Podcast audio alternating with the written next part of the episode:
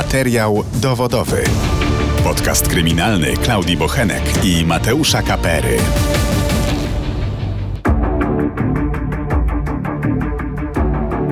Dzień dobry, przed mikrofonem Klaudia Bochenek i Mateusz Kapera. Witamy i zapraszamy wszystkich na pierwszy odcinek nowego podcastu Radia Z. Materiał dowodowy to program, w którym będziemy przedstawiać nie tylko najgłośniejsze sprawy kryminalne w Polsce, ale również te mniej medialne, także bardzo ciekawe i tajemnicze historie. Choć na razie w planach mamy co prawda same historie o morderstwach, to mm, coś mi mówi, że będziemy również zajmować się także szeroko pojętą przestępczością zorganizowaną, ale na to przyjdzie jeszcze czas, nie zdradzajmy wszystkiego. Zanim przejdziemy do sprawy, e, którą przygotowaliśmy dla naszych słuchaczy, opowiedzmy może trochę o konwencji tego podcastu. Tak, materiał dowodowy będzie się pojawiać co dwa tygodnie. E, będziecie mogli odsłuchać e, naszego podcastu nie tylko na playerze Radia Z, ale także na najbardziej popularnych platformach streamingowych, że takie nazwiemy. Podcast podzielony jest na trzy części. Pierwszej będziemy starać się, podobnie jak e, teraz, wprowadzić Was, słuchaczy, w temat podejmowanej sprawy. Druga część podcastu e, to będzie reportaż, który e, dla Was przygotowujemy, który już przygotowaliśmy tak naprawdę, bo dzisiaj pierwszy odcinek i pierwszy reportaż. Jeździmy w teren, rozmawiamy z rodzinami ofiar, ale nie tylko, bo jak się dzisiaj przekonacie, to rozmawiamy także z rodzicami e, osób e, oskarżonych czy, czy skazanych e, za morderstwa. Zbieramy te wszystkie informacje, czytamy akta i to wszystko później sprawnie montujemy w jeden duży reportaż. No i co więcej, ten, ten reportaż później dajemy Wam, abyście mogli go posłuchać. E, I tu chyba warto wspomnieć o tym, że e, lektorem e, w reportażu jest radiowiec z krwi i kości, Hubert Radzikowski. I na koniec, w trzeciej oczywiście równie ciekawej części, porozmawiamy, podyskutujemy o podejmowanej w reportażu sprawie z ekspertami, kryminologami, byłymi policjantami czy dziennikarzami realizującymi swoje własne śledztwa. I to chyba wszystko. Dobrze, nie przedłużajmy już. E, dziś wyjątkowo zrób Mateuszu krótkie, ale oczywiście ciekawe wprowadzenie. No z tym drugim będzie trudniej, no ale dobrze. Chcieliśmy przygotować się na premierowy odcinek podcastu sprawę nietuzinkową, zagadkową, mrożącą krew, krew w żyłach, no i chyba skromnie mówiąc nam się udało. A więc y, o czym ta historia e, będzie? Dziś Wam opowiemy historię, która przez te wszystkie lata otrzymała e, kilka krypton kryptonimów. Mówiło się o niej, e, że jest to krakowskie milczenie owiec, sprawa polskiego Hannibala Lectera, sprawa Kuśnierza, czy po prostu Skóra. I chyba te dwie ostatnie nazwy e, już mówią, co oprócz zamordowania swojej ofiary, co jeszcze jej zrobił morderca. Sprawa przez lata była E, zagadką, bo popełniono ją w 1999 roku, a wyrok skazujący, co prawda pierwszej instancji, więc oskarżony wciąż w świetle prawa jest osobą niewinną, która tego morderstwa nie popełniła. Wyrok zapadł e, kilka tygodni wcześniej, więc jest to dosyć, jest to sprawa dosyć świeża. I powiedziałem, że była zagadką, ale ten reportaż jest mniej więcej o tym, że być może wcale tą zagadka, ta zagadka rozwiązana nie jest jeszcze. Już nie przedłużając, e, zapraszamy na reportaż Mateusza Kapery o zamordowaniu i oskurowaniu krakowskiej studentki Katarzyny Zowady, a po nim podyskutujemy z ekspertami o tej sprawie. Materiał dowodowy. Podcast kryminalny Klaudii Bochenek i Mateusza Kapery. Zdjęcie skóry z człowieka jest niezwykle wyrafinowaną czynnością. Dla wszystkich był szok, bo takich zabójstw w Polsce po prostu nie było. Ta osoba, która została zamordowana, jak stwierdził, została po prostu oskurowana, czyli ktoś, i wyglądało na to jeszcze za życia, po prostu z niej ściągnął skórę właściwie znaczy, żeby skórę z żywego człowieka wzięli? To coś strasznie obrzydliwego. Czym to musi być człowiek, który takie rzeczy już wcześniej jakoś miał do dyspozycji. oskarżonego Roberta uznaje za winnego prawo do obrony, i to kluczowy punkt, zostało rażąco naruszone. Wymierza mu karę dożywotniego pozbawienia wolności.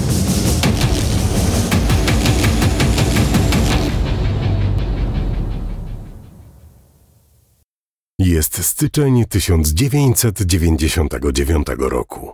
Kraków, dawna stolica Polski. Przez królewskie miasto przepływa najdłuższa rzeka w Polsce Wisła, królowa polskich rzek.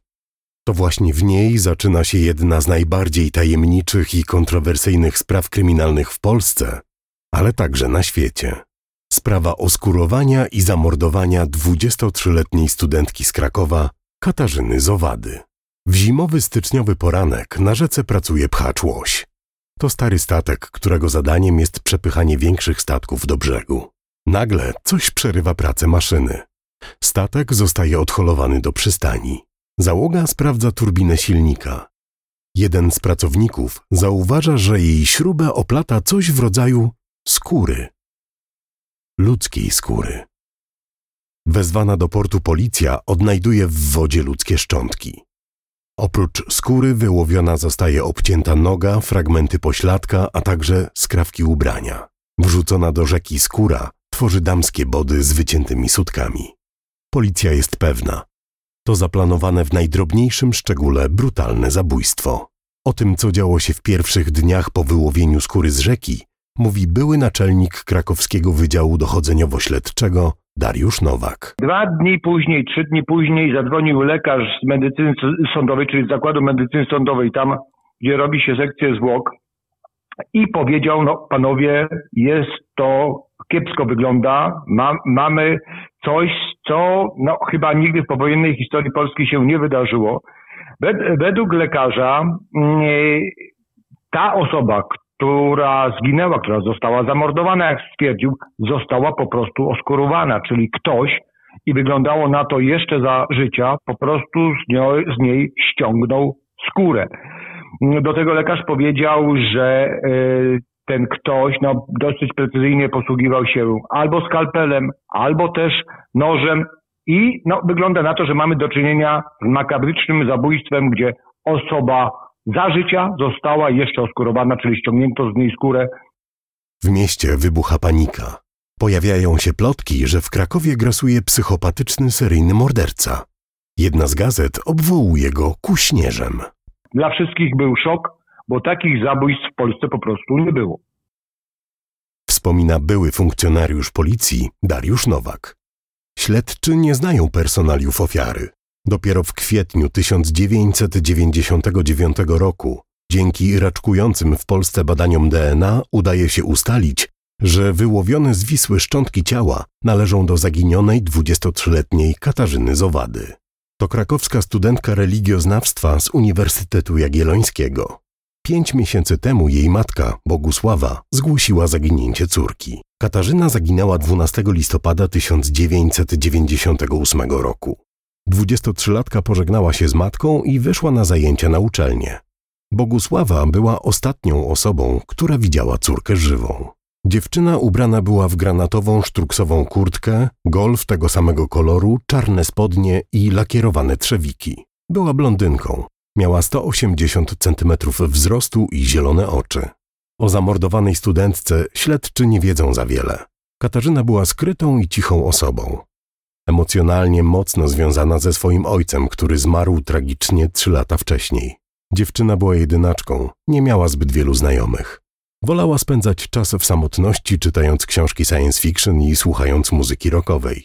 Jak się później okaże, jej ulubionym zespołem był amerykański Grateful Dead. W dzień zaginięcia była studentką religioznawstwa na Uniwersytecie Jagiellońskim. To był jej trzeci kierunek studiów. Wcześniej studiowała psychologię i historię. Żadnego nie ukończyła. Śledczym udaje się ustalić, że 23-latka prawdopodobnie miała depresję. Obwiniała się za śmierć swojego ojca, którego zabrała na wycieczkę w góry. Mężczyzna spadł ze skały i złamał kręgosłup. Zmarł niedługo po wypadku. Były policjant Dariusz Nowak tak wspomina Katarzynę. Na pewno była takie, no chyba wydaje się dzisiaj z perspektywy czasu właśnie w depresji, ale to się ciągnęło od śmierci jej e, ojca, no i trudno się temu dziwić. Na pewno też to takie było założenie, bo ten rys psychologiczny był taki, że ona no, mogła się przed kimś otworzy, otworzyć, że ktoś po prostu mm, komuś zaufała, że stąd jakby ten człowiek mógł być zupełnie e, obcy. No, była podatna, wydaje się, na tego typu rzeczy, w tym okresie no, szukała kogoś takiego, kto podałby jej po prostu taką pomocną e, dłoń. Mijają kolejne miesiące. Śledczy nie znają sprawcy morderstwa, miejsca zbrodni, ani nawet narzędzia, którym zabito Katarzynę. Mają jedynie szczątki jej ciała i skrawek ubrania. Nagle dochodzi do przełomu w śledztwie. Jest maj 1999 roku. Cztery miesiące po ujawnieniu szczątków ciała Katarzyny w Wiśle, policjanci dostają wezwanie do podkrakowskiej wioski. Student Uniwersytetu Jagiellońskiego Władimir W. zabił i oskalpował swojego ojca, po czym nałożył jego skórę na swoją twarz. Śledczy byli pewni, że pochodzący z Rosji 26-letni mężczyzna stoi również za brutalnym morderstwem Katarzyny. Do podobnej zbrodni doszło przecież w krótkim odstępie czasu i w odległości zaledwie kilkunastu kilometrów. Sposób działania mordercy był bardzo podobny. Mało tego, e, mogli się znać mm, z Katarzyną, dlatego że przez pewien czas studiowali na tym samym kierunku, więc wie pan, no, zna, znali się na tej samej uczelni. Makabryczne zabójstwo popełnione pół roku później, no to makabra polegała na tym, że on po prostu zabił mm, ojca, potem ściągnął mu skórę twarzy, tę skórę ściągniętą z ojca z twarzy założył na siebie i tak wyszedł z domu no do tego stopnia to, to było jakby wizualnie prawdopodobne, że nawet dziadek, który siedział przed domem, nie poznał go i myślał, że to idzie jego syn, a nie wnuk. Odsłania kulisy śledztwa emerytowany policjant Dariusz Nowak. Władimir W. nie przyznał się jednak do zabicia i oskurowania Katarzyny Zowady. Profilerzy wykluczyli go też z grona podejrzanych z powodu motywu zbrodni. Władimir W. miał zabić z zemsty za to, że ojciec zdradził i porzucił jego matkę. Nie był on seryjnym i seksualnym zabójcą, a taki był zdaniem śledczych zabójca Katarzyny. Po prawie dwóch latach śledztwo w sprawie morderstwa i oskurowania 23-letniej Katarzyny zostaje umorzone. Powód brak wykrycia sprawcy. Mimo tej decyzji prokuratury, krakowscy śledczy nie przestają w poszukiwaniu mordercy Katarzyny. W 2005 roku formalnie zostaje zawiązany zespół do spraw niewyjaśnionych, tak zwane Archiwum X. Oficjalnie sprawa zabójstwa Katarzyny Zowady wraca po 13 latach od ujawnienia szczątków jej ciała w Wiśle. Krakowscy śledczy korzystają z pomocy specjalistów FBI, ale także jasnowidza Krzysztofa Jackowskiego. Przeprowadzają też ekshumację szczątków ofiary bestialskiego morderstwa. Prokuratura oficjalnie wznawia śledztwo. Ze względu na brak dowodów i śladów pozostawionych przez mordercę, do śledztwa włączają się profilerzy. To psychologowie pracujący dla policji. Tworzą obraz psychologiczny mordercy, aby ułatwić śledczym poszukiwania sprawcy zbrodni. Staramy się wcielić niejako w umysł zabójcy. Tłumaczy pracę profilerów psycholog dr Maciej Szaszkiewicz. Jako pracownik Instytutu Ekspertyz Sądowych stworzył portret psychologiczny mordercy Katarzyny. Żeby zrozumieć, co go pobudza, co go ekscytuje, a co go właśnie zniechęca, co go denerwuje, co drażni w tym, co robił. No bierze się pod uwagę wszystko, co zawarte w aktach do tej pory, nie? bo śledztwo często trwa, w tym wypadku trwało ponad 20 lat. Więc wszystko, co zawarte w aktach i plus wiedzę całą psychologiczną o psychologii sądowej, o, o osobowości sprawców zabójstw, no trzeba to wszystko mieć na względzie i próbować to, to wszystko przykładać do tych akurat y, szczegółów, które wynikają z tego zabójstwa. Jak się zna różne typy osobowości zabójstw i różne sposoby ich działania i różne sposoby na przykład pozbawiania życia i różne inne rzeczy, a motywacja i tak dalej, szereg, to wtedy można się zastanowić, które z tych pasują do tego tu mniej więcej przypadku. Zdaniem ekspertów, zabójca Katarzyny to mieszkaniec Krakowa. Mężczyzna w wieku od 22 do 35 lat. Profilerzy określają go jako osobę aspołeczną, zaburzoną seksualnie. Dr Maciej Szaszkiewicz przypomina, jaki obraz mordercy wyłaniał się z analizy profilerów. Człowiek który po pierwsze dokonał niezwykle wyrafinowanego zabójstwa. Trzeba było przyjąć, że, no, że zdjęcie skóry z człowieka jest niezwykle wyrafinowaną czynnością. Trzeba mieć dużo wiedzy, żeby to osiągnąć. Normalne zdjęcie skóry z człowieka jest niemożliwe. Policyjni profilerzy ustalają, że ze względu na precyzyjne cięcia skóry ofiary, morderca może wykonywać takie zawody jak chirurg, rzeźnik czy tapicer. Doktor Szaszkiewicz kontynuuje. Nie od parady dziś już wiemy, że to akurat zabójstwo jest jedyne w świecie. Nigdy, nigdzie nikt nie zrobił takiej rzeczy, żeby całą skórę z człowieka. To jest prawie niemożliwe dla lajka, żeby tak. Po pierwsze, trzeba mieć narzędzia, po drugie się okazuje, że skóra z, z innymi tkankami ciała człowieka jest tak silnie powiązana, że odpreparowywanie jej od reszty ciała jest bardzo trudne. Trzeba bardzo umiejętnie posługiwać się narzędziami i w każdej chwili można oczywiście skórę przebić, bo to pewnie można by obrazowo porównać do, do odpreparowywania pestki z, ze śliwki jak to zrobić, żeby nie uszkodzić tego, co jest poza pestką. A tu większość tego jest poza pestką. Skóra w zasadzie nie została w ogóle naruszona, nigdzie nie została przybita, nigdzie nie została skaleczona, cała zdjęta, oprócz kończyn i głowy. Od początku śledztwa przewija się wątek inspiracji, jaką dla mordercy miał być film Milczenie owiec. Seryjny morderca Buffalo Bill zabija swoje ofiary i ściąga z nich skórę. Według śledczych na tej postaci filmowej mógł wzorować się morderca Katarzyny. Jednak policja w kolejnych latach nie ujawnia podobnej zbrodni. Czy to oznacza, że morderca jest w stanie uśpienia? A może zmienił strategię? Stał się mordercą doskonałym? Prokuratura Krajowa przeprowadza kolejne działania, aby znaleźć mordercę. Śledczy zlecają stworzenie trójwymiarowego modelu obrażeń Katarzyny. Dochodzą do wniosku, że dziewczyna była torturowana, a na wyłowionej z rzeki nodze są urazy po uderzeniach typowych dla sportów walki. Grupa specjalna płetwonurków RP przeszukuje dno Wisły, w miejscu, gdzie znaleziono nogę ofiary.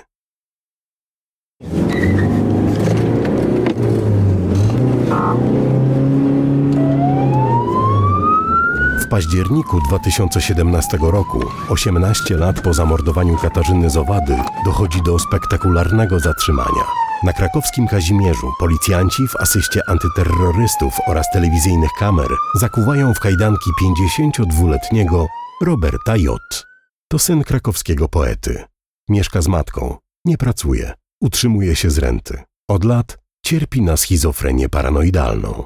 Już w 1999 roku, w pierwszych miesiącach śledztwa, 33-letni Robert J. trafił na policyjną listę podejrzanych. Był nawet przesłuchiwany. Mężczyzna mocno przeżył wizytę na komendzie.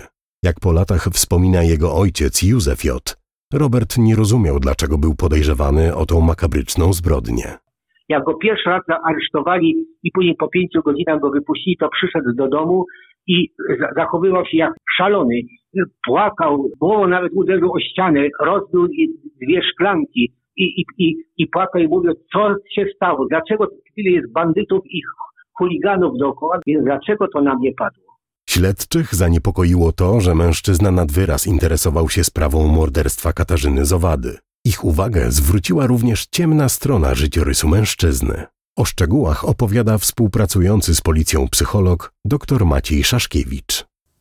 Jak przebadano jego życiorys, to ręce opadły po prostu. Był, był no nieprawdopodobnie źle traktowany w rodzinie. A rodzina dziwnie patologiczna na tle religijnym. Doskonalili się w śpiewaniu pieśni i spełnianiu rozmaitych obrzędów religijnych, a jego tak gwałtownie do tego zmuszali, że go na przykład bili, wykręcali mu ręce w kościele, także aż mdlał i padał na podłogę, bo bo ponoć nie dość żarliwie zaśpiewał piosenkę. No taka ta rodzina była dosyć, dosyć rzeczywiście patologiczna. Mimo kontrowersyjnych zachowań mężczyzny, policja nie zatrzymała go. Dzieje się to dopiero 18 lat później. Wróćmy do października 2017 roku. Robertowi J. zostaje przedstawiony zarzut zabójstwa ze szczególnym okrucieństwem 23-letniej Katarzyny Zowady. 52-latek nie przyznaje się do winy. Podtrzymuje, że nigdy nie poznał tragicznie zmarłej studentki religioznawstwa. Natychmiast po zatrzymaniu Roberta J. do mieszkania, które zajmował wraz z matką Marią, wkraczają policyjni technicy. Przetrząsają każdy kąt, zrywają łazienkowe kafelki i podłogę w całym lokalu. I wtedy przez dwa i pół miesiąca nie mogliśmy, nie mogłem się tam dostać. Nie mogłem się dostać do mojego mieszkania, gdzie gniło wszystko w lodówce, gdzie wszystko to, gdzie poprzynasi, poprzewracali wszystko, po, po, po, po, wynieśli wszystko. Proszę pana, a meble yy, po, przesuwali, poniszczyli, po, lałki pourywane, wszystko pourywane, yy, ściany tak skute, że aż można prawie było widać do, do sąsiada. Wspomina Józef J., ojciec Roberta. Wkrótce śledczy ogłaszają wielki sukces. W mieszkaniu podejrzanego odnaleziono włosy ofiary. Mimo to prokuratura nie kieruje aktu oskarżenia do sądu. To dziwne, bo materiał genetyczny ofiary w miejscu zamieszkania sprawcy to bardzo twardy dowód w rękach prokuratora.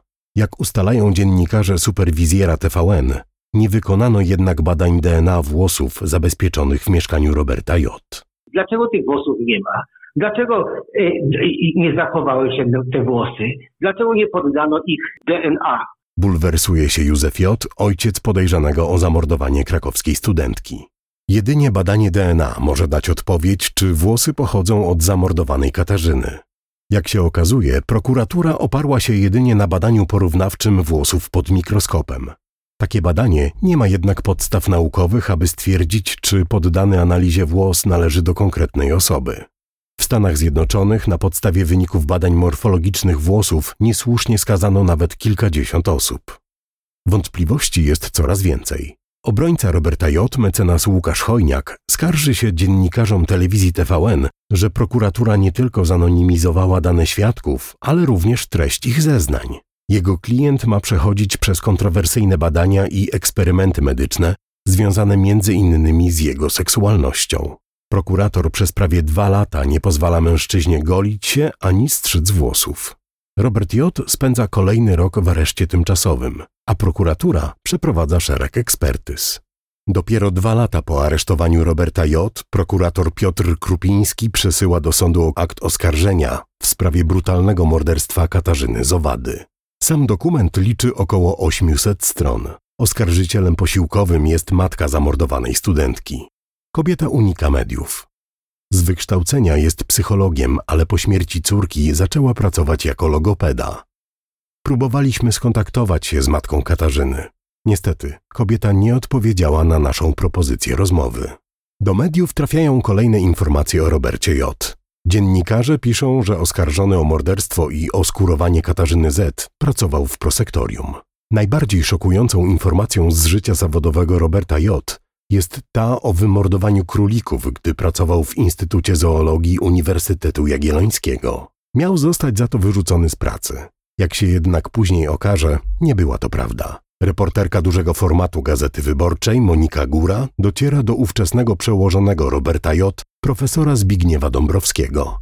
Ten zaprzecza, aby jego były podwładny został z tego powodu zwolniony. Robert J. faktycznie uśmiercił zwierzęta, ale jako pracownik instytutu mógł to zrobić. Z pracy zwolnił się sam. Może dostał upomnienie tylko, że, że nie powinien sam e, sobie udzielać takich, e, takiego prawa, ale nie został zwolniony. Potwierdza ojciec Roberta J., Józef. O winie Roberta J. ma świadczyć także jego religijne nawrócenie. Po tragicznej śmierci Katarzyny Zowady mężczyzna miał często chodzić do kościoła i gorliwie modlić się. Z taką wersją wydarzeń nie zgadza się ojciec Roberta J. On już chodził do kościoła, kiedy miał 16 lat. To szedł do kościoła i się modlił i tak dalej. A później coraz więcej. Więc może to jest w ten sposób należy patrzeć, że się więcej modlił a nie jako, jako to, że on się nagle zaczął modlić, bo nagle sobie zdał sprawę, że zrobił bardzo źle. Boże, przebacz mi i niech ci wszyscy dookoła uwierzą, że ja jestem niewinny. W lutym 2020 roku rusza proces przeciwko Robertowi J. Akta sprawy liczą prawie 500 tomów. Do przesłuchania jest około 200 świadków. Proces ma charakter poszlakowy i jest utajniony. Dziennikarze zebrani na sali sądowej mogą jedynie usłyszeć, jak prokurator przedstawia skrócony akt oskarżenia. Robert J. ogłasza, że jest niewinny. Od tego momentu proces jest niejawny. Opinia publiczna nie dowie się, co przez kolejne dwa lata będzie się dziać na sali sądowej. Rozmawiamy z ojcem oskarżonego o morderstwo Katarzyny Zowady. Józef J. jest pewny, że syn nie dokonał tak okrutnej zbrodni. Kiedykolwiek przeszła panu przez głowę taka myśl, że, to, że Robert mógłby jednak dokonać takiej zbrodni? Nie, nigdy, proszę pana. Ale ja tu mówię oficjalnie. Ja mam żal do Roberta.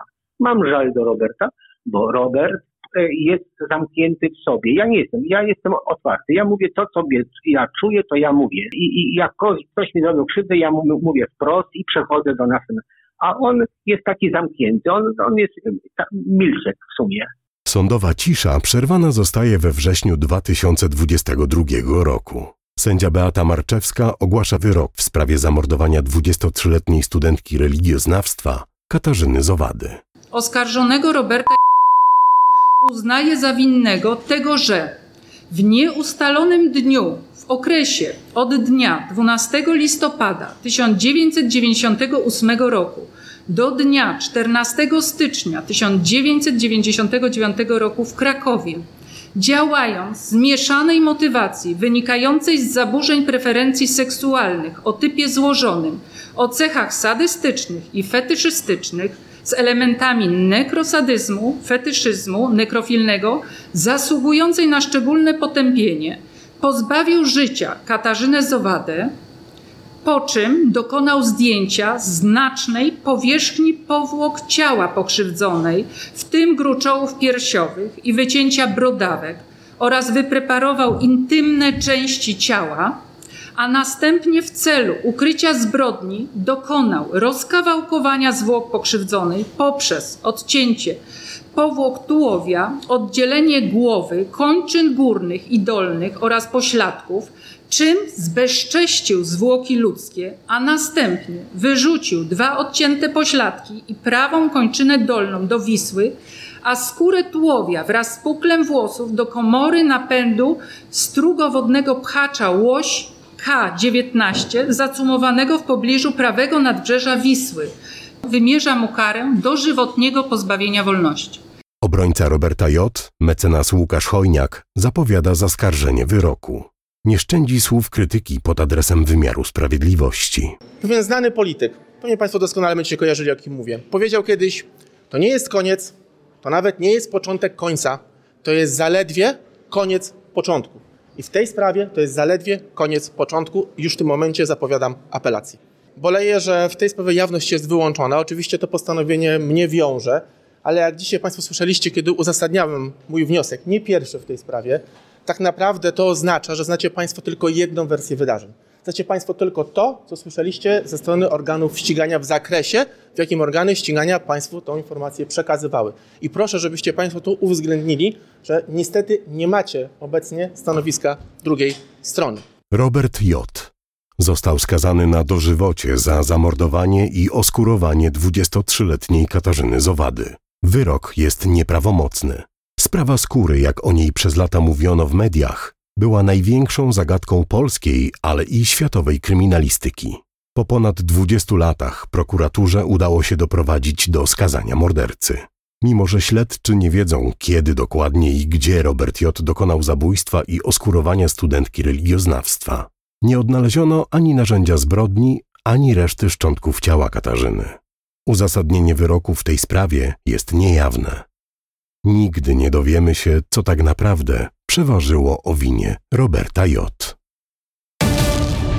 Materiał dowodowy. Podcast kryminalny Klaudii Bochenek i Mateusza Kapery. Teraz czas na dyskusję o sprawie zamordowania i oskurowania krakowskiej studentki Katarzyny Zawady. Do naszego duetu dołączają goście. W studiu Radia Z jest profesor Ewa Gruza z Katedry Kryminalistyki Wydziału Prawa i Administracji Uniwersytetu Warszawskiego. Dzień dobry. Oraz redaktor Monika Góra, autorka reportaży kryminalnych, m.in. tekstu dotyczącego morderstwa Katarzyny Zowady. Redaktor Monika Góra łączy się z nami z Krakowa. Dzień dobry. Zacznijmy od wyjaśnienia rzeczy podstawowej, ale bardzo ważnej. Proces w sprawie morderstwa Katarzyny Zowady był procesem poszlakowym. E, co to oznacza? Bardzo proszę, pani profesor. Proces poszlakowy to jest taki szczególny typ postępowania, w którym nie ma bezpośredniego dowodu znalezionego na przykład na miejscu zdarzenia, który by łączył go, to miejsce zdarzenia, ze sprawcą takiego czynu, czyli osobą podejrzewaną o popełnienie przestępstwa. Opiera się on na tym, że szukamy informacji, które pozornie mogą nie mieć związku ze zdarzeniem, a które i właśnie te informacje nazywamy poszlakami. Jeżeli takie informacje zbierzemy i zaczynamy je analizować, to praktycznie każda z tych informacji ma jakiś związek z miejscem zdarzenia i ze sprawcą. Czyli łączymy sobie te pojedyncze informacje, czyli poszlaki, w coś, co określamy dowód poszlakowy, czyli taki łańcuch, który się zamyka i jakbyśmy sobie te ogniwa w łańcuchu nie ułożyli, za każdym razem na końcu tego y, łańcucha pojawia nam się ten sam, ta sama osoba, czyli ta sama osoba podejrzewana o popełnienie zbrodni. E, no właśnie, trudno mówić tutaj o dowodach takich naprawdę mocnych e, w tej sprawie. E, też sąd wyłączył jawność tego procesu. Mateusz, czy podczas pracy nad reportażem udało Ci się dowiedzieć, dlaczego sąd utajnił proces? Niestety nie. Prokuratura milczy na ten temat, odsyła do sądu. Ja oczywiście też sąd zapytałem, ale sąd z tego względu, że proces został utajniony, nie chce zabierać głosu w tej sprawie. Również sam pan prokurator Piotr Krupiński po ogłoszeniu wyroku był pytany przez dziennikarzy e, w sądzie o to, dlaczego złożył wniosek o utajnienie tego procesu. Niestety e, również e, unikał wtedy odpowiedzi, więc wydaje mi się, że już chyba nie uda nam się poznać szczegółów tej, tej sprawy i tego, mm, co tak naprawdę działo się na sali sądowej. Pani profesor, jakie w teorii mogą być powody wyłączenia przez sąd jawności tego procesu morderstwa? Y, taką przyczyną może być to, że jest to y, ogromna skala drastyczności zachowania sprawcy. I, I, myślę, że argumentem głównym było właśnie to, że sprawa jest dość drastyczna, że sprawa dotyczy bardzo okrutnego zabójstwa, zabójstwa bezprecedensowego, jeżeli chodzi w ogóle o światową kryminalistykę, czyli oskurowanie, zdjęcie skóry z, ze zwłok i biorąc pod uwagę drastyczne zachowania sprawcy, drastyczność okaleczenia zwłok, czyli też dobro rodziny, szacunku dla tej rodziny, żeby nie musiała przeżywać tego również na oczach publiczności będącej e, w sądzie, sąd się mógł zdecydować na e, nieujawnianie tego materiału dowodowego, czyli utajnienie procesu. Um jeśli mamy e, utajniony proces, znaczy mamy e, brak jawności tego procesu, mogło chodzić właśnie też e, o rodzinę, żeby nie cierpiała. Czy też mogło chodzić o to, żeby nie było naśladowcy, ponieważ ta sprawa jest już od lat bardzo nagłaśniana przez media. Także czy mógłby się pojawić następca to jest, myślę, że możemy powiedzieć pewien mit, dlatego że w historii kryminalistyki faktycznie mamy kilka takich przypadków, e, kiedy sprawca inspirował się zachowaniem innego sprawcy. Na przykład inspirował się zachowaniem Zdzisława Marchwickiego, słynnego wampira Zagłębia i e, jakby powielał jego mm, sposób popełnienia zbrodni, ale to są bardzo nieliczne przypadki, czyli bardziej mówimy o takim trochę medialnym odniesieniu, że będzie naśladowca, e, raczej trudno jest o takiego naśladowcę. Natomiast też no, gdzieś można w tyle głowy pomyśleć, że biorąc pod uwagę, że ten materiał był y, no, nie bezpośredni, tylko właśnie jest to proces, klasyczny proces poszlakowy, to może też i niechęć y, jakby ujawnienia y, tych okoliczności, które właśnie łączą te, te ogniwa poszczególne, ten proces bez bezpośrednich dowodów, bo to w dużej mierze pokazuje sposób działania służb, czyli całego etapu postępowania przygotowawczego. Chociaż moim zdaniem akurat bardziej kwestia edukacyjna, bo to jest pokazanie, że nawet jeżeli nie udaje nam się ujawnić śladów na miejscu zdarzenia i, i trzeba ten proces prowadzić właśnie w oparciu o takie drobne, małe informacje, które nam się gdzieś tam w jeden ciąg układają, no to to jest pokazanie też sprawcom, że nawet jeżeli są bardzo ostrożni na miejscu zdarzenia albo ekipy oględzinowe nie działają najlepiej, to i tak udaje się go skazać. E, proces został utajniony, ale śledczy przed wysłaniem przez prokuratora aktu oskarżenia do sądu karmili wręcz media informacjami ze śledztwa. E, redaktor Monika Góra w sierpniu opublikowała w dużym formacie tekst, który daje inny obraz e, nie tylko sprawy, ale także samego Roberta J. I teraz pytanie, jaka nieprawdziwa informacja rozpowszechniana przez śledczych do mediów najbardziej panią uderzyła? Ja chciałabym się jeszcze odnieść do tej kwestii wyłączenia jawności, jeżeli jest taka możliwość. Proszę, tak. Ponieważ, ponieważ w tym przypadku padł argument, że, że sąd nie chciał, czy prokuratura nie chciała, aby przekazywać opinii publicznej jakieś drastyczne szczegóły tej sprawy. Więc jest to argument zupełnie nietrafiony w tym wypadku, dlatego że prokuratura w momencie, kiedy kierowała akt oskarżenia do sądu, przedstawiła zarzuty, które stawiała oskarżonemu Robertowi i w tych zarzutach, w opisie tych zarzutów były wymienione wszystkie szczegóły, naprawdę bardzo, bardzo drastyczne, dotyczące e, tej zbrodni. Mm, jak również dużo wcześniej, już w zasadzie od 2017 roku, czyli od początku tego wznowionego, mm, e, znaczy przejęcia śledztwa przez prokuraturę krajową, opinia publiczna była karmiona bardzo, bardzo brutalnymi, znaczy bardzo drastycznymi szczegółami dotyczącymi tego zabójstwa, więc absolutnie no, nie zgadzam się z opinią, że tutaj że tutaj obawa przed tym, żeby opinia publiczna nie znała tych drastycznych szczegółów, była, mogła być jakimś e, motywem postępowania sądu, e, który wyłączył jawność rozprawy. Natomiast ja jestem przekonana, że wyłączenie jawności rozprawy nastąpiło, aby dziennikarze, osoby, osoby postronne, aby opinia publiczna nie mogła zapoznać się z całym materiałem dowodowym zebranym przez prokuraturę, E, z materiałem dowodowym przedstawianym e, przed sądem, nie mogła zapoznać się z opiniami e, biegłych sądowych, nie mogła zapoznać się z opiniami czy zeznaniami świadków, po to, żeby ten proces przebiegał po myśli prokuratury. Takie jest moje zdanie w tej kwestii. Ważne też chyba, żeby wspomnieć o tym, że samo zatrzymanie Roberta J. było przy udziale kamer telewizyjnych, więc skądś one się tam wzięły. Dużo też takich informacji ze śledztwa było mediom przekazywanych, więc trudno też podejrzewać, że, że śledczy jakby chronili e, rodzinę ofiary, czy, czy, czy, czy ludzi, czy e, słuchaczy, telewidzów e, od tych takich brutalnych opisów tego, co się tam działo. Więc no, to jest naprawdę bardzo dziwna rzecz. O tym też mówił e, mecenas e, Łukasz Chojniak, obrońca Roberta e, J., że mm, ten opis zbrodni dokonanej przez Roberta J., e, który e, był też podany podczas ogłaszania wyroku przez e, sędzię, czy też, te, czy też ten opis, który był kolportowany w mediach, jest dużo bardziej drastyczny niż, niż to, co jest w aktach sądowych. Oczywiście to jest jedynie opinia obrońcy, który, mm, którego zadaniem jest obron, obrona swojego klienta, no ale to też jest jakby kolejna taka wątpliwość, którą mamy dzisiaj po tej sprawie. Proszę Państwa, no nie tylko media były na, e, podczas zatrzymania Roberta e, przed jego domem i e, służby zrobiły tam show, dosłownie show z brygadą antyterrorystyczną, z włączonymi sygnałami świetlnymi, dźwiękowymi, podczas gdy okazało się, że, że cała ta brygada antyterrorystyczna, z której działań nakręcono filmik rozesłanego do wszystkich redakcji, nie zatrzymała Roberta ponieważ on został zatrzymany dużo wcześniej e, przez, e, przez kryminalnych.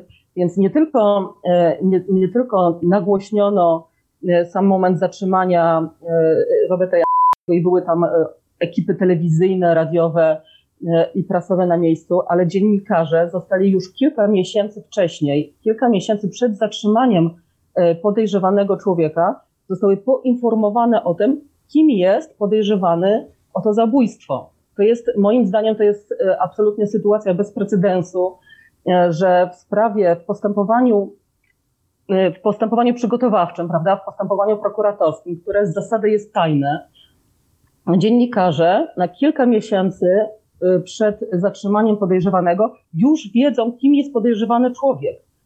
I nie tylko wiedzą, ale dochodzi do takiej sytuacji, że dwójka dziennikarzy wynajmuje mieszkanie w kamienicy znajdującej się naprzeciwko y, bloku, w którym mieszka podejrzewany, po to, żeby mieć bliżej do podejrzewanego, po to, żeby móc go inwigilować de facto, bo niestety tak to trzeba nazwać, po to, żeby chodzić z nim y, we wszystkie miejsca, w które on chodzi, żeby go odwiedzać w mieszkaniu, żeby chodzić z nim do, za nim do kościoła, żeby go, y, prawda, móc zaczepiać na ulicy. Więc no, moim zdaniem prokurator w tym postępowaniu E, doprowadził do tego, dopuścił do tego, e, że informacje na temat podejrzewanego mężczyzny wyciekły do mediów kilka miesięcy przed jego zatrzymaniem. Co dziwi tym bardziej, że uważano przecież tego człowieka i doszącego prokuratora go za takiego uwa uważa, za bardzo groźnego mordercę, prawda, który dopuścił się zabójstwa młodej dziewczyny i oskurowania. A mimo to jakoś śledczy nie bali się ujawnienia e, tajnych informacji dziennikarzom i dziennikarze mogli kilka miesięcy przed jego zatrzymaniem już za nim chodzić, wypytywać o niego, rozmawiać z nim. Więc widzicie Państwo, że jest tutaj jakaś ogromna sprzeczność e, w działaniu prokuratury. Prawda? Z jednej strony e, domaga się wyłączenia jawności procesu, ale z drugiej strony już kilka miesięcy przed zatrzymaniem grupa zaufanych dziennikarzy ma informacje o tym, kiedy będzie zatrzymanie i kim jest podejrzewany człowiek. No tak, ale my musimy wziąć pod uwagę jedną rzecz, etap postępowania przygotowawczego to jest etap prowadzony przez prokuratora i on jest tak naprawdę osobą, która decyduje o tym, co powinna, czego nie powinna robić, co powinna, czy nie powinna ujawniać. I faktycznie w tym przypadku to jest też trochę bezprecedensowe, że prokurator prowadzi śledztwo w tak bardzo poważnej sprawie na oczach mediów i, i tak być y, nie powinno i co do tego nie ma wątpliwości. Natomiast y, kiedy mówimy o odpowiedzialności już po złożeniu aktu oskarżenia przed sądem, no to Y, organem, który w tym, na tym etapie postępowania dominuje, to jest sąd i on ma prawo do podjęcia suwerennej decyzji w przedmiocie ujawnienia bądź nieujawnienia procesu, czyli odtajnienia y, materiału bądź też uznania, że jednak należy wyłączyć jawność postępowania. I widocznie argumenty, które były przedstawione przez prokuratorę, przez prokuratora sądowi, były na tyle istotne dla niezawisłego i niezależnego sądu, że wyszedł z takiego założenia, że proces należy utajnić. I dobrze było, gdybyśmy te dwa elementy rozłączyli, bo mm, zachowanie prokuratora i jego ujawnianie materiału dowodowego jest jednym, natomiast pamiętać trzeba, że tą postacią, czy tym organem dominującym na etapie mm, postępowania sądowego jest sąd. I była to po prostu jego niezawisła y, decyzja. My możemy konstatować tę decyzję, my możemy się nią nie zgadzać, bo faktycznie ilość informacji, tudzież wyniki niektórych ekspertyz były dość dostępne w mediach i można się było z nimi zapoznać, ale jednak no, trzeba uszanować decyzję sądu, nawet jeżeli się z nią nie zgadzamy, tym bardziej, że przesłanką wyłączenia jawności postępowania to nie jest ograniczenie dostępu do mediów, do materiału dowodowego, tylko to są ściśle określone reguły wynikające z kodeksu postępowania karnego, czyli między innymi, i to jest jedyne logiczne tłumaczenie tej decyzji, to jest właśnie ta ochrona przed tą wtórną wiktymizacją, przed traumą przeżywaną przez mm, rodzinę, przez, chociażby dlatego, że będą ujawniane kolejne dowody. Także sąd miał prawo to zrobić, a prokurator zachował się jak zachował. E, dziękuję pani profesor. E, I pytanie do pani redaktor Moniki Góry. Mm, w mediach mieliśmy dużo przekłamań, dużo y, dziwnych hipotez, dużo manipulacji, też które były rozpowszechniane przez śledczych. Która była taka najbardziej absurdalna i wręcz uderzająca na temat tego oskarżonego człowieka? Rzeczywiście w mediach ukazało się bardzo wiele, bardzo wiele takich informacji, które, które były hipotezami śledczych niepotwierdzonymi, niesprawdzonymi, a mimo to E, wyciekały do mediów. E, no, wydaje mi się, że e, dosyć absurdalną hipotezą wysłaną do, do mediów była informacja, że Robert Jan podejrzewany w tej sprawie ma, skłonności homoseksualne lub może jest transseksualistą czy transwestytą, prawda, że przebierał się w, damskie ubrania. No absolutnie od półtora roku naprawdę zajmuję się tą sprawą. Rozmawiałam z kilku kilkunastoma co najmniej e, osobami znajomymi Roberta Janczego, jego kolegami, koleżankami. I muszę przyznać, że od ani jednej osoby nie usłyszałam, żeby, żeby zauważyły tego typu, tego typu skłonności u Roberta Janczego. Wręcz przeciwnie, wszystkie powtarzały, że jest to absolut, absolutna jakaś wirutna bzdura, że Y, to zawsze był taki bardzo, y, bardzo męski typ, prawda? I, i, y, i, I nikt nie zauważył u niego żadnych, żadnych skłonności tego typu do przebierania się w jakieś damskie ubrania. Więc no to, to, to, to z całą pewnością była, była taka informacja, którą rozpowszechniano, żeby mm, żeby uwypuklić, prawda, taką dziwność tego, e, tego podejrzewanego, taką inność i, e, i, i, i, i tym samym e, jakoś uwiarygodnić w, w oczach opinii publicznej że on, on był taki, prawda, taki, nie wiem, może transseksualny, czy może był transwestytą, przebierał się w damskie ubrania, więc jakby to działało na wyobraźnię opinii publicznej i może łatwiej było ją przekonać do tego, że on jest sprawcą tej zbrodni. Kolejną informacją, którą nie tylko kolportowały media, ale nawet pisała o niej jedna z biegłych powołanych przez prokuraturę w tej sprawie pani doktor e, habilitowana Renata Włodarczyk ze Szkoły Policji w Szczytnie. E, ona w swojej naukowej książce e, napisała, że Robert wymordował wszystkie króliki doświadczalne w Instytucie Zoologii, w którym pracował w latach 80. No więc ja pojechałam do tego Instytutu Zoologii i rozmawiałam z profesorem Zbigniewem Dąbrowskim, który był wtedy przełożonym Roberta Jan i on absolutnie zaprzeczył, żeby taka sytuacja miała miejsce. E, powiedział, że rzeczywiście był taki incydent, e, że Robert e, jakby uśmiercił kilka królików, ale no nie, zrobił, nie zrobił tego z jakichś pobudek prawda, morderczych i, i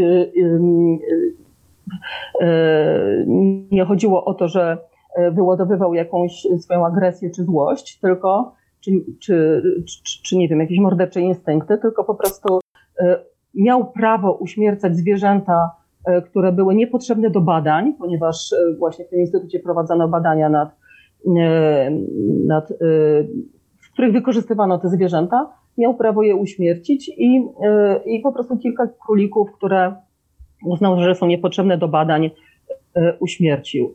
Natomiast w świat poszła informacja, że uśmiercił wszystkie króliki doświadczalne w instytucie, jeszcze w dodatku z tego powodu został zwolniony z pracy, co również okazało się nieprawdą okazało się, że Robert Janczewski sam odszedł z tej pracy, ponieważ no, można powiedzieć, że był wykorzystywany do samych ciężkich robót przez, e, przez swoich przełożonych.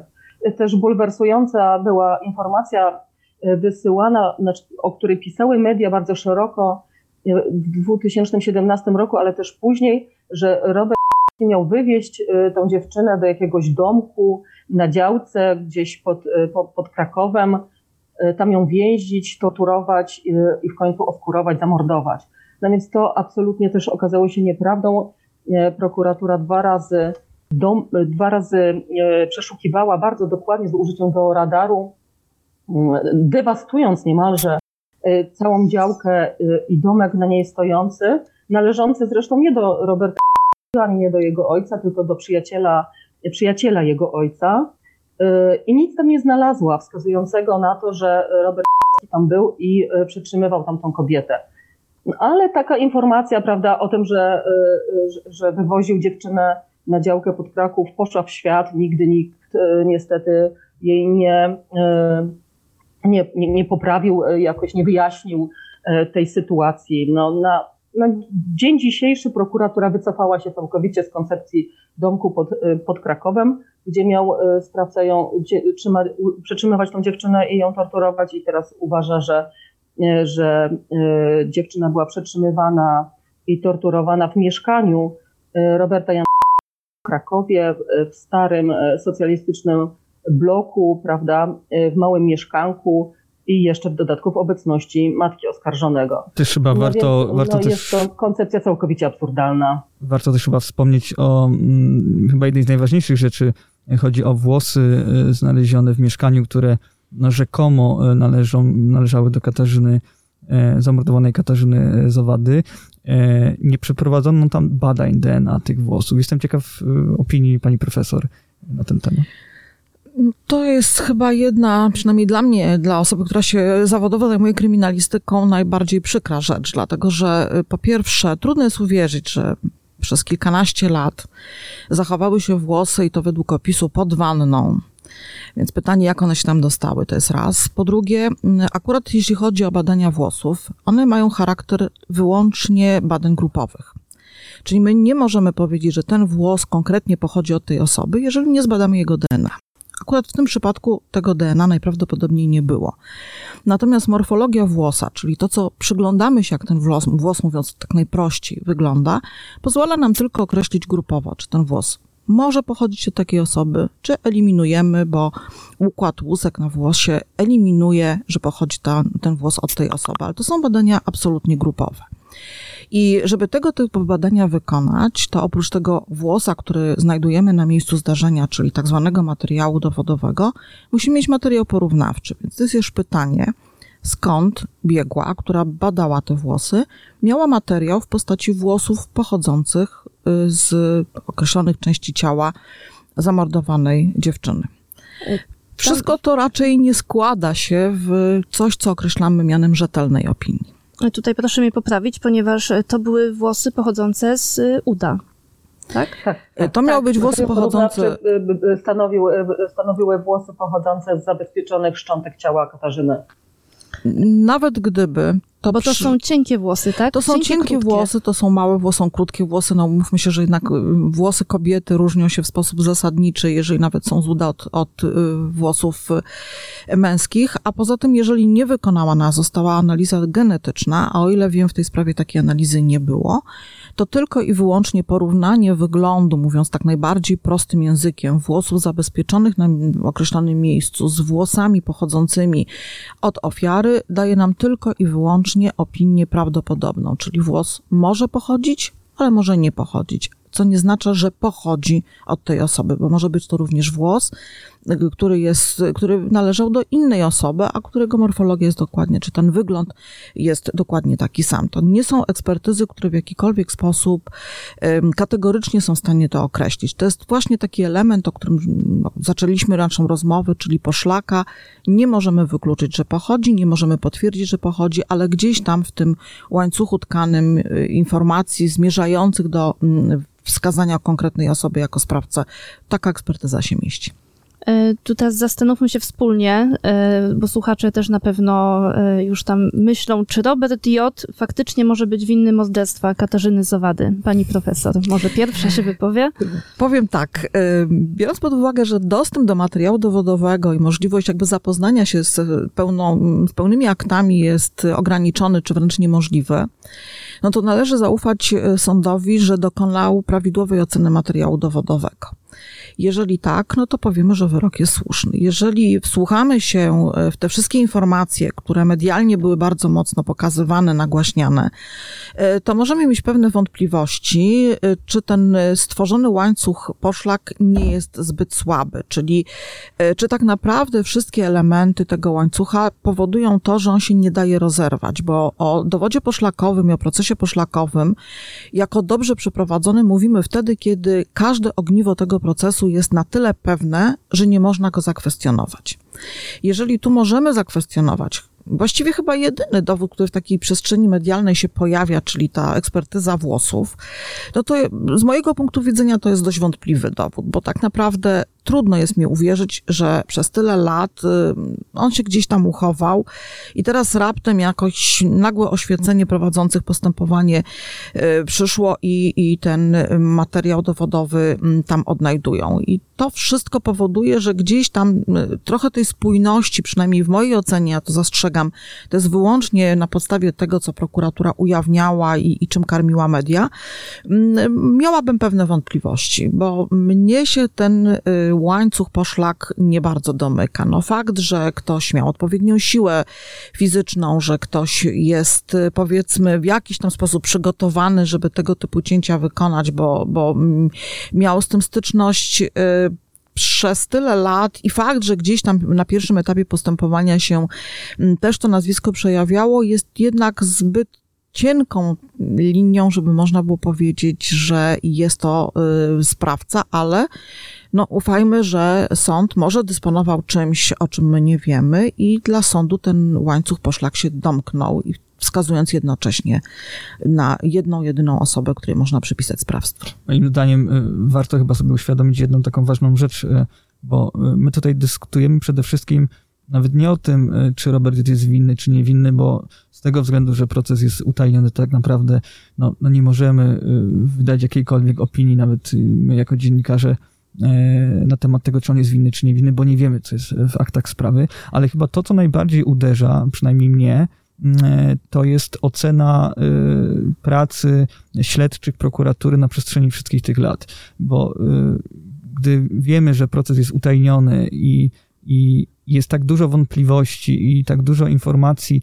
też no, nie ukrywajmy, wychodziło jednego z śledczych do mediów, e, to jednak pytanie jest e, zasadnicze, czy możemy no, ufać e, w przyszłości też działaniom prokuratury, policjantów, w podobnych sytuacjach, jeżeli wiemy, że tak jak redaktor Monika Góra e, przedstawiła w swoim tekście, jeżeli te informacje, które zostały e, kolportowane w mediach i pochodziły gdzieś od źródeł policyjnych, no nie sprawdziły się, a wręcz są, wręcz są po prostu kompletnie inne niż, niż, niż powinny być. Więc chyba to jest taki główny temat tak naprawdę i tego reportażu i, te, i, tej, i tej dyskusji dzisiaj w, w studiu.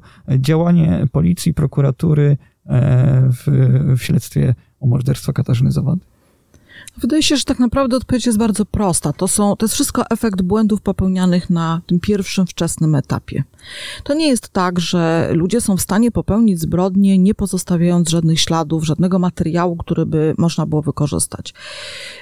Z moich doświadczeń wynika jedno. Jeżeli popełniane są błędy, to są popełniane błędy na tym pierwszym etapie. To jest niedokładność prowadzenia postępowania. To są założone wersje. To jest czasami y, jedna, dwie takie tunelowe, którego się, y, których się śledczy trzymają. To jest czasami absolutnie lekceważące podejście do zgłoszenia zaginięcia osoby szczególnie jeżeli ginie osoba młoda.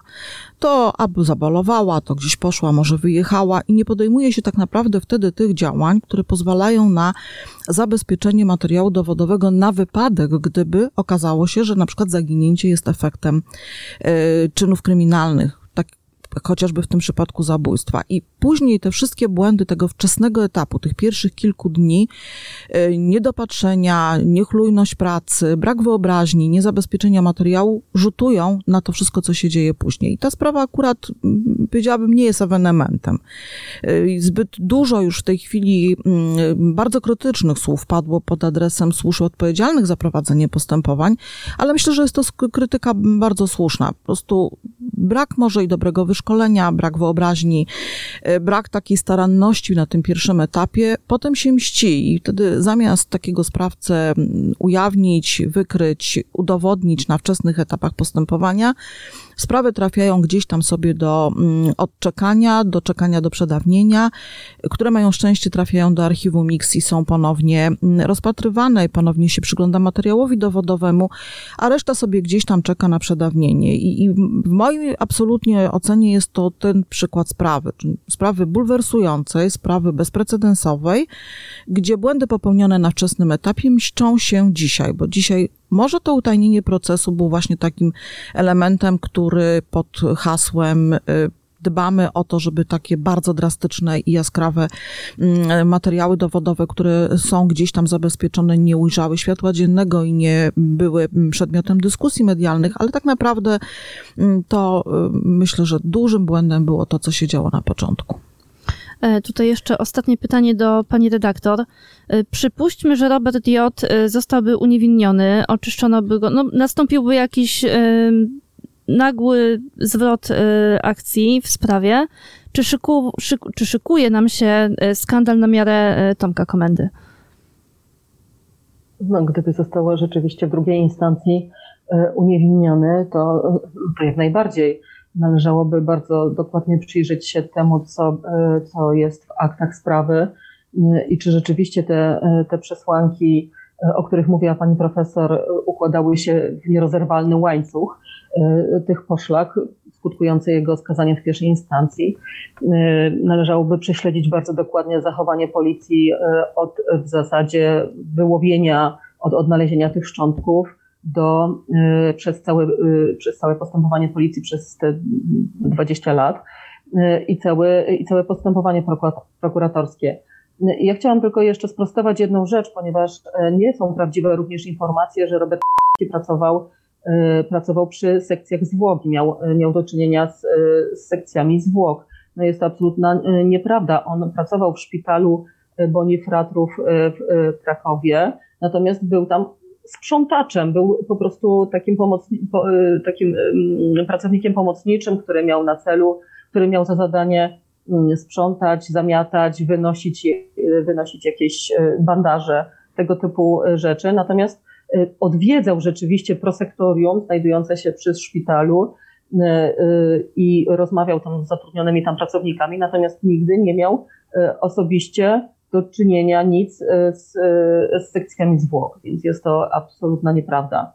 Natomiast w tej sprawie na początku y, policja dosyć, dosyć, mm, dosyć dobrze zbadała, jakby sprawdziła Roberta Jan, ponieważ po doniesieniu jego kolegi Leszka L na policję, że to Robert może być związany z tą zbrodnią, co miało miejsce już w maju 1999 roku, a więc kilka miesięcy, raptem kilka miesięcy po odnalezieniu tych tych szczątków te, ciała y, ofiary. Policja przesłuchała, y, y, przesłuchała Roberta Janczaka. Pobrano od niego ślady, również DNA. Przeszukano bardzo dokładnie jego mieszkanie i, no i po prostu nic nie znaleziono. Skutkiem czego było umorzenie w 2000 roku sprawy. Więc no, akurat w tym przypadku wydaje się, że że jeżeli byłyby jakieś e, dowody obciążające Roberta, jakieś ślady DNA, które podobno znaleziono na tych szczątkach, przynajmniej ja znalazłam takie informacje w prasie, że, że, że, że na tych szczątkach zabezpieczono jakieś ślady DNA nie pochodzące od ofiary, no to już wtedy Robert zostałby skojarzony z tą zbrodnią no, w sposób, prawda, pewny, to znaczy wskazano by, że to on jest sprawcą i zostałby zatrzymany. Natomiast tak się nie stało. Robert został wypuszczony do domu, a sprawę umorzono. E, no i trzeba zadać sobie pytanie, no, czy możliwe jest, że przez następne 20 lat niemalże e, przy e, no, totalnej inwigilacji, ponieważ Robert był pod obserwacją cały czas policyjną przez ten, przez ten okres czasu, również były w jego mieszkaniu zakładane podsłuchy policyjne, operacyjne, I czy to jest możliwe, żeby przez cały ten czas nie zdobyto żadnych, żadnych bezpośrednich dowodów, prawda, wskazujących z bardzo dużym e, prawdopodobieństwem, graniczącym z pewnością na to, że on jest sprawcą? No. To już każdy z nas musi sobie zadać pytanie, czy, czy, czy rzeczywiście jest to możliwe, żeby chory na schizofrenię paranoidalną człowiek potrafił się przez tyle lat tak dobrze kamuflować, żeby policja nie zdołała zabezpieczyć żadnych bezpośrednich dowodów w jego sprawie. Dobrze, to na tym zakończymy dzisiejszą dyskusję. E, naszymi gośćmi e, były profesor Ewa Gruza w studiu. Dziękuję bardzo. Oraz redaktor Monika Góra na łączeniu. Dziękuję bardzo. Dziękujemy, do usłyszenia i. Słyszymy się za dwa tygodnie w kolejnym odcinku podcastu. Materiał dowodowy. Wszystkie odcinki naszego podcastu kryminalnego znajdziesz na player radioz.pl i na najważniejszych platformach streamingowych.